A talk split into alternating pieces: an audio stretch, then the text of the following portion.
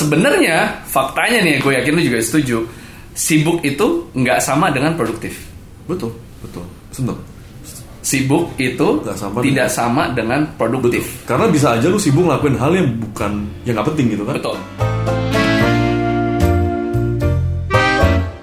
Hai, gue Joseph Eko. Gue Ricci Wirjan. So welcome to Mikir Mulu. Jadi ini sebuah podcast yang ngajak kalian untuk gak mikir kelamaan dan segera take action. So hari ini kita ada di Dream Hub Coworking Space Equity Tower di SCB di Jakarta. Dan di episode kali ini kita akan obrolin tentang kebiasaan menunda-nunda. Nah, eh, menurut lu nih, Ci, kebiasaan menunda-nunda ini apakah ini jadi sebuah excuse orang untuk mikir mulu gak sih menurut lo? Oke, kalau menurut gue, iya pasti. Karena itu salah satu cara buat ya ngalesan ya kayak ntar deh gue pikirin dulu karena banyak, menurut gue gue nggak usah ngomongin orang lain deh. Gue pribadi juga termasuk orang yang kebanyakan mikir karena satu gue perfeksionis. Jadi apa-apa tuh mesti dipikirin kayak abis ini akan ke sini, abis ini akan ke sini gitu. Tapi akibatnya di gue ya, ini karena kita ngomongin soal kebiasaan nunda-nunda nih. Karena lu kebanyakan planning, terus lu mikirin seperfect mungkin. Jadi kan stepnya tambah banyak. Hmm. Abis ini bakal ini, abis ini bakal ini, abis ini. Bakal... Akhirnya, jujur ya, gue kan jadi stres sendiri. Hmm. Bener ya. Tapi apakah menurut tadi kata-kata planning gitu kan seakan-akan sebenarnya bagus ya positif banget nih guys gitu. Tapi menurut lu apakah jadinya itu itu jadinya jadi kayak ya tadi tuh excuse jadinya kayak wah karena gue mikir mulu jadinya gue pengen semua jadi perfect dan akhirnya ketunda gitu. Kebiasaan yang menurut gue itu jadi buruk soal menunda-nunda ya. Hmm.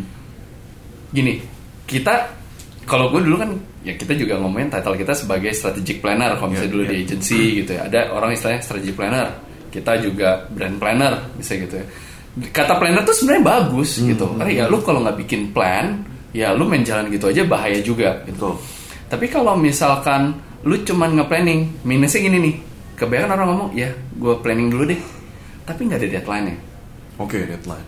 Gitu. Jadi akhirnya lu planning planning planning planning. Ini sebenarnya ujungnya kapan nih? Kapan mau launching? Kayak misalnya nih kita ngomongin yang kita punya podcast dia mikir mulu. Kita udah set kan bahwa waktu kita ngobrol bareng-bareng waktu itu uh, rame-rame. Oke minggu depan ya jalan gitu. Ya ada itunya gitu. Bukan cuman kayak yaudah deh gue rencanain dulu kita pikirin masing-masing uh, balik sendiri-sendiri ntar kapan kita kumpul lagi. Nah momen kayak ntar kapan kita kumpul lagi itu menurut gue akhirnya jadi nunda gitu Iya benar-benar. Tapi kalau menurut gue ya gue berpikiran bahwa sebenarnya menunda itu bagus. Kenapa? Menurut gua agak Iya. nggak nggak inilah. Menurut gue nggak benar, nggak benar. menunda nggak itu benar. bagus. Ya. Kalau lu tahu lu punya priority, lu lu tahu lu punya priority yang Hmm. memang lu harus lakuin. Jadi menurut gue gue akan menunda nih. Kalau Ya. memang itu bukan jadi prioritas gue. Contoh, contoh, contoh. Coba. Contoh, coba. misalnya gue akan menunda untuk ketemu temen gue eh, ketika gue punya prioritas sekarang gue married kan ya gue mesti memprioritaskan ketemu cewek gue dulu Oh, gitu iya. kan bukan karena ketemu temen gue nggak penting Tapi nggak kalau misalnya gue minta kok, kan kita partner nih ya. Iya. Kok kita mesti meeting nih? Lu milih mana? tergantung nih sergeant apa gitu kan tapi menurut gue sih kalau kerjaan mah nggak akan habis-habis lah bro Iya, ya jadi betul, yang pasti betul. ada hari esok nggak kita kerjain sekarang nggak mungkin kiamat juga gitu Betul. kan nah untungnya kita bukan di uh, agency yang besok mesti tayang gitu kan kita Iya, bukan iya. gitu Iya, jadinya iya. menurut gue sih planning priority kita mesti bisa set nah nah itu menurut gue yang penting kita mesti punya set of priority yang kita bisa uh, buat gitu dan menurut gue itu yang sering kali orang nggak punya dan em, menurut gue priority itu bisa kita set kalau kita punya value yang benar. Nah sering kali eh, priority kita yang kita nggak pernah set dan kalaupun kita set dengan value yang salah. Contohnya Oke, misalnya gue eh, bikin priority atau list of priority tapi value kita adalah kita pokoknya apa yang kita value dalam hidup adalah yang penting ah gue pengen seneng-seneng dulu aja deh. Ya. Eh, YOLO sekarang ada ya you only live once akhirnya gue diajak ke mana gue tanggepin gitu. Ya. Padahal sebenarnya gue bisa gunain waktu itu untuk ekspor something gitu. Hmm. Akhirnya ketika gue diajak ke mana-mana, diajak, ayo hangout, oke. Oke. Diajak ke mana gue, oke. Padahal harusnya menurut gue ada set of priority yang mesti gue lakuin tuh di saat itu juga gitu. Sebenarnya ada ini kalau lu lihat ada gak sih uh, dilema-dilema yang istilahnya yes man, Hmm, yang kayak lu tuh nggak bisa bilang nggak ke orang lain gitu. Karena kayak kalau misalkan lu tolak, lu jadi ada kesan kayak, oh kalau gue nolak nih ntar gue dibilang gue dicap sombong Hmm. yang pertama. kalau misalnya gue bilang no ntar dibilangnya kayak wah belagu banget lu, Betul, lu belagu banget sih betul, diajakin betul, nggak pernah betul, mau gitu betul, betul. nah how you how you handle it gitu kalau menurut lu sendiri gimana Ya menurut gue ini kayak ini menyinggung dikit apa yang sempat di introduction episode lah ya. Ya. Edi sempat Edi sempat ngomong nih gitu kan karena nggak enak dicap, ntar dicap seperti apa, judgement orang gimana. Menurut gue ini yang kita perlu break at the first step gitu karena jangan sampai barrier ini jadi kita membuat kita jadi nggak ke mana-mana gitu. Dan eh, menurut gue kalau ngomongin tadi orang lain, toh kita kan nggak hidup dari orang lain gitu. Kita juga nggak minta duitnya mereka, so kenapa kita mesti nggak enak sama mereka gitu? Daripada mendingan kita nggak ambil ajakan mereka tapi tapi kita sukses daripada kita diajakin mereka terus dan kita nggak jadi apa-apa gitu menurut gue oke gitu sih Eh, gue coba ngambil angle yang lain ya kalau tadi lo bilang kan menunda itu bagus. Hmm, hmm. gitu ya. Kalau menurut gue menunda itu nggak bagus. Kenapa coba kenapa? Karena gini. Ah, dalam hal apa pun. Dalam dalam hal dalam hal apa pun. Oke. Nah, maksudnya meskipun gini, hal nggak- hal nggak penting lu nggak boleh tunda gitu ya. Tunggu, kok gue ngerasa kayak dijebak ya? Nih gini gini. Gue gue lebih, lebih ngeliat aspeknya adalah Ketika lu nunda hmm. Lu ini bakal pengaruh ke orang lain. Oke. Misal contoh Kayak paling gampang deh eh, Di kerjaan kita deh gitu. Ya. Ada beberapa kerjaan yang Itu nyangkut sama orang lain gitu. Hmm, Kalau misalkan gue nggak kerjain nih Gue nggak bisa oper ke orang lain gitu. Dan akhirnya mungkin Akibatnya Dianya nggak perform. Dia yang kena tembak Dia yang dicecar abis gitu. Padahal sebenarnya salahnya Mungkin nih bisa bilang Itu salahnya Salahnya gue karena gue nggak Ngejakuin Kalau menurut gimana? tapi kalau masalah ngelakuin apa ada hubungannya nggak dengan misalnya delegasi gitu karena menurut gue kan nggak harus selalunya kita ngelakuin semuanya gitu Hmm. jadi beberapa hal yang emang sebenarnya bisa delegasi kita delegasiin aja gitu Ya Tapi karena tadi kita nggak punya set priority yang bener nih, apa yang penting, apa yang nggak penting. si Eisenhower bilang kan ada yang urgent, ada yang important, ada yang not urgent tapi important. Nanti kita akan bahas. Ya, uh, nanti kita bahas itu. nanti lagi sebagai sebagai bagian dari tips. Cuman menurut gue tadi itu kita karena kita nggak punya priority-nya, apa yang kita mau kerjakan dan apa yang bisa dikerjakan orang lain gitu ya, delegasiin. Sehingga ya tadi tuh uh, bisa aja akibatnya yang tadi lu bilang akhirnya apa yang bisa dikerjain orang tadinya nggak kejadian tuh karena mungkin kita belum ngelakuin apa yang kita lakuin gitu. ada beberapa entrepreneur yang kalau ini penyakitnya entrepreneur ya penyakitnya entrepreneur adalah kadang-kadang pertama mereka eh, mereka mulai sendiri barangkali ya eh, teman-teman yang lo orang yang pada dengerin mungkin lo adalah seorang entrepreneur yang solopreneur maksudnya kayak lu mulai semuanya sendiri gitu. Kayak lu mau ngelakuin apa lu sendirian gitu. Jadi akhirnya nunda itu tuh sesuatu yang kayak lu nggak ada yang ngebantuin nggak ada yang support gitu. Akhirnya kayak either lu jadi bener kayak oke lu yes man yang kayak jalan terus oh gue ada PR ini gue kerjain gue ada PR ini gue kerjain. Atau lu jadi orang yang satu sisi yang kayak waduh gila gue kerja sendiri ya. Banyak banget yang gue kerjain gitu. Nah menurut lu dengan lu lihat lingkungan kita kan sebenarnya banyak entrepreneur kan banyak Ya. teman-teman kita yang mulai usaha yang sendirian gitu gitu harusnya tuh sebenarnya kita mesti ngapain sih Menurut gue sih, gue selalu suka ketika gue suka ketika waktu lu gue dengan sebuah um, ada orang ngomong lah bicara mengenai 20 seconds of uh, change gitu. Hmm. Itu sebuah waktu di mana yang lu butuhkan untuk uh, misalnya gini nih, gue dulu uh, tahun 2016 akhir berat gue kan 115 kilo tuh. Um, sekarang sih masih gendut gitu ya, cuman gue udah kurusan gitu. Belum kurus tapi kurusan gitu kan. Oke. Nah, yang gue lakuin adalah ketika gue praktekin apa yang uh, orang itu bilang. Uh, dia bilang, coba deh, lu lakuin. Ketika lu mau lakuin sesuatu, gak usah lu nunggu gitu ya. Um, tapi lu langsung lakuin karena gini, lu punya cuma punya waktu 20 seconds of change.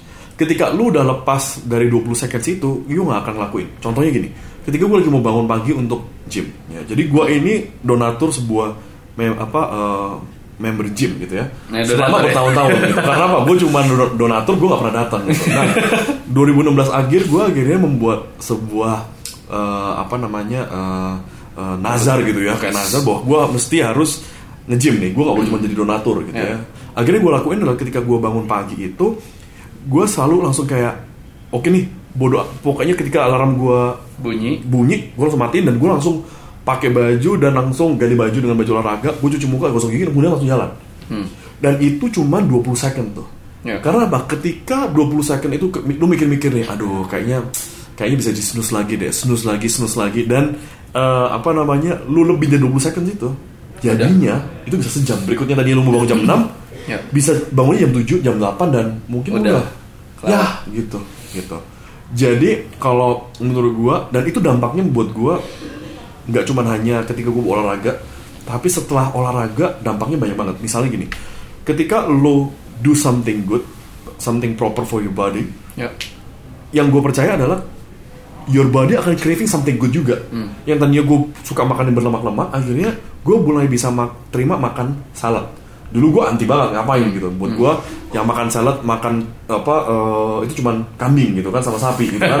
Eh, kambing sapi makan salad aja gendut gitu kan. Iya, iya. Kita ngapain? Kita mesti makannya daging gitu. Nah itu gue dulu gitu. Makanya ketika gue ngelakuin something good for my body, eh ternyata sekarang body gue bisa terima itu gitu. Jadi itu menurut gue dampaknya nggak cuma hanya itu, tapi eh, domino efeknya banyak ke itu. Ada pernah uh, ada ada uh, ini ada salah satu video ya kayak ini tuh udah keputar banyak banget. Mungkin mungkin lu juga pernah pernah lihat bahwa kalau lu kalau lu mau jadi pemenang di hari itu maksudnya cara yang pertama adalah lu harus beresin ranjang lu sendiri Ya. gitu. Itu uh, salah satu army uh, gua Lu lakuin nggak? Enggak. Honest, honestly enggak karena kayak tapi gue sempat gue sempet ngelakuin itu Iya. dan menurut gue benar itu works itu works banget kenapa karena kayak itu ibaratnya gini buat secara psikologis itu ngebantu lu tuh untuk kayak kalau misalnya lu bikin to do list ya Ya, ya, ya. ada checklist lu hari itu lu bikin ada centang lu coret tuh di kertas. Itu kayak jadi kayak wah semangat banget nih. Hmm, Ya. nah sebenarnya itu checklist pertama waktu lu bangun Ya, yaitu ya, ya. lu beresin ranjang gitu. Ya, ya. gue gue pengen nanya kok sebenarnya apa sih konsekuensinya atau akibatnya kalau misalkan ya nih teman-teman kita yang dengerin ya kalau kita kebiasaan nunda Menurut gue kayak tadi kayak lu sempat bilang kalau lu nunda, karena kan kita kan nggak pernah kerja sendiri kan ya. Pasti ada uh, orang yang ngejain setelah kita, kerjaannya setelah kita gitu.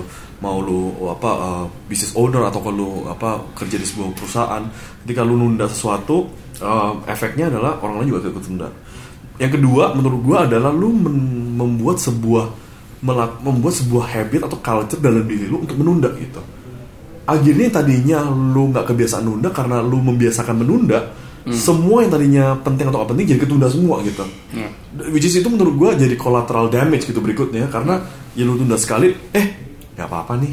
Lu tunda lagi eh nggak apa-apa nih. Lama-lama semuanya ketunda gitu. Betul. and suddenly you are 40 atau you are 50 and then you did nothing gitu. Itu yang menurut gua jadi bahaya sih kalau gue ya. Kalau lu- ya. menurut lu? Kalau gua menurut gua salah satu damage ya. Dan ini ini pengalaman pribadi dan salah satunya adalah di kantor sendiri yaitu uh, contoh kayak misalnya uh, Eko ada beberapa kali kayak kirim uh, kirim proposal Ci bantu review gitu. Tapi gua nggak review review.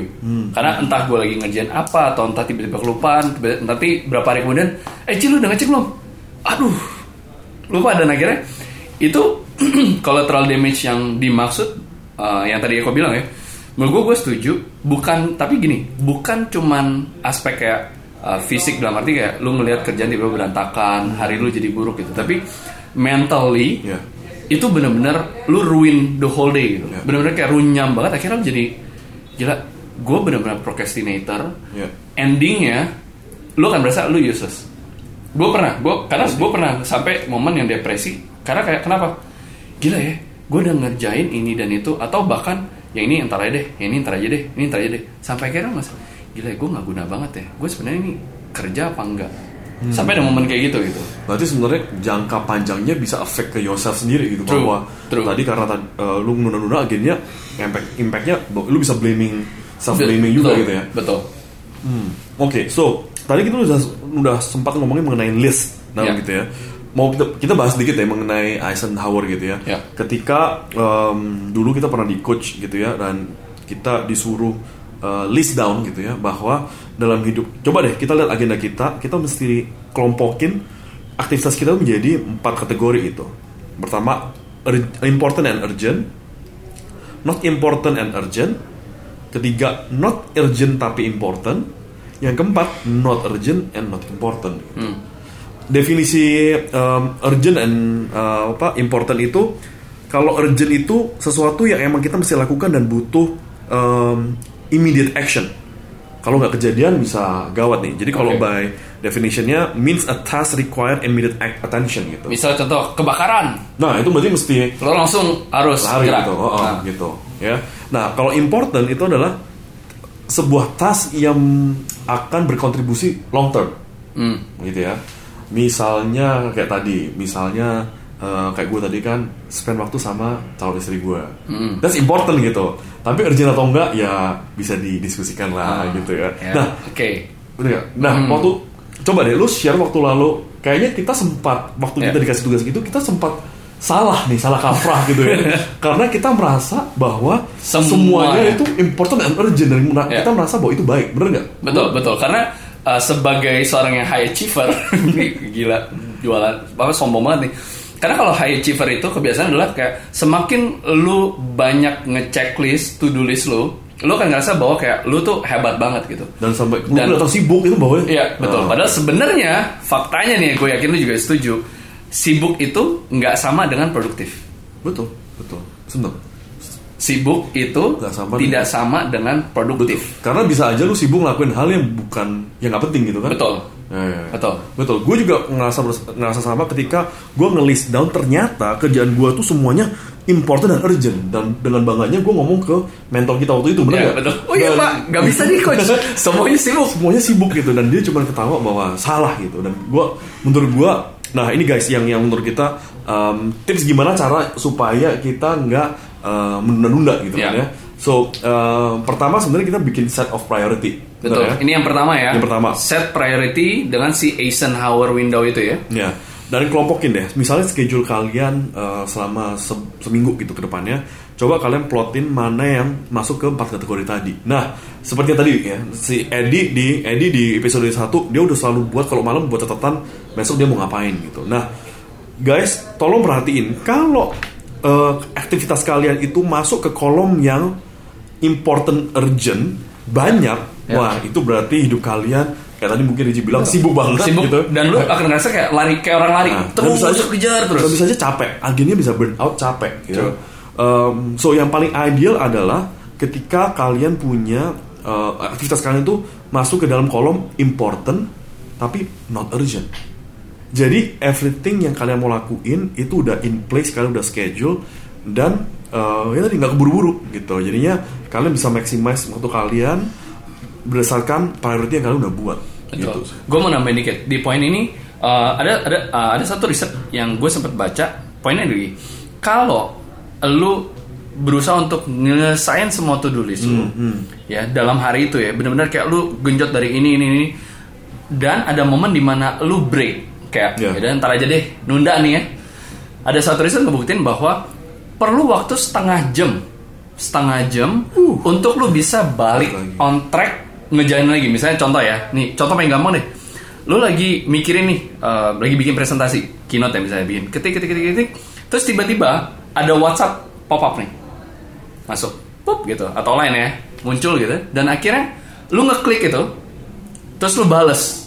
Nah sebetulnya itu akan perlu waktu kurang lebih 20 menit sampai 30 menit untuk lu bisa bangun mood lu lagi dan lu mau ngerjain presentasi itu lagi So berikutnya mungkin uh, yang nomor dua sebenarnya tips yang kita bisa kasih singkirin semua distraction gitu ya. Betul, Ya. betul. Distraction itu kayak ya baik lagi ya dengan lu tahu kolom yang ada important atau urgent gitu-gitu, itu kan nggak bantu. Dan nggak semua WhatsApp harus dibalas satu juga kecuali dari seorang William Sudana karena seorang William Sudana adalah seorang yang tidak sabaran. Iya. Oke. Jadi kayak lu mesti jelasin benar kayak ada yang urgent, ada yang important. Lu mesti tahu itu prioritas. Ya. Terus Menurut gua- lanjut. Yang nomor dua menurut gue jadi ini to pretend our time semahal mungkin. Misalnya nih waktu sejam kita adalah 10 juta rupiah gitu. Ya. kan? Jadi kita benar-benar mesti make sure kalau kita mau ketemuan siapa benar-benar worth it nggak nih orang untuk diketemuin gitu betul, kan ya. betul. Jangan lagi akhirnya ujung-ujungnya ya lu yain aja gitu. Dan ini Betul. masuk ke tips yang ketiga, yaitu lu mesti belajar untuk berani bilang enggak. Kenapa? Karena baik lagi nih kita di lingkungan sosial sebagai makhluk sosial kita selalu kebiasaan untuk bilang yes. Kita nggak pernah berani untuk bilang oh sorry gue nggak bisa maaf. Kenapa? Karena kita udah punya pikiran kalau kita bilang enggak kita dicap wah lu sombong, wah lu belagu gitu enggak. Ini ngomongin soal prioritas lu. Betul. Lu harus bisa kontrol waktu lu, harus bisa kontrol prioritas lu dan ini tentang lu, men. Ini tentang lu gitu. Lu Iya. berani bilang enggak, maka ya udah, lu belajar tuh untuk nggak nunda-nunda. Oke. So, uh, terakhir kalau kita ngomongin tadi ya, episode episode waktu introduction kan kita minta mereka untuk share ke kita kan. Yes. So kita minta kalian sekali lagi untuk share ke kita apa yang udah kalian lakuin um, setelah dengar episode apa episode kali ini. Yap. Ya, uh, kalian bisa share juga ke, ke kita plan lagi- uh, plan kalian dan kita akan make sure bahwa ini akan jadi wake up call kalian. Jadi kalau kalian lupa kita akan bantu untuk ingetin kalian lagi. Yes. Gimana caranya? DM langsung di @mikirmulu M I K I R M U L U dan reminder kita karena kita mau ingetin ya, kalau mikir mulu kapan actionnya. Sampai jumpa di episode berikutnya. Siap. Bye.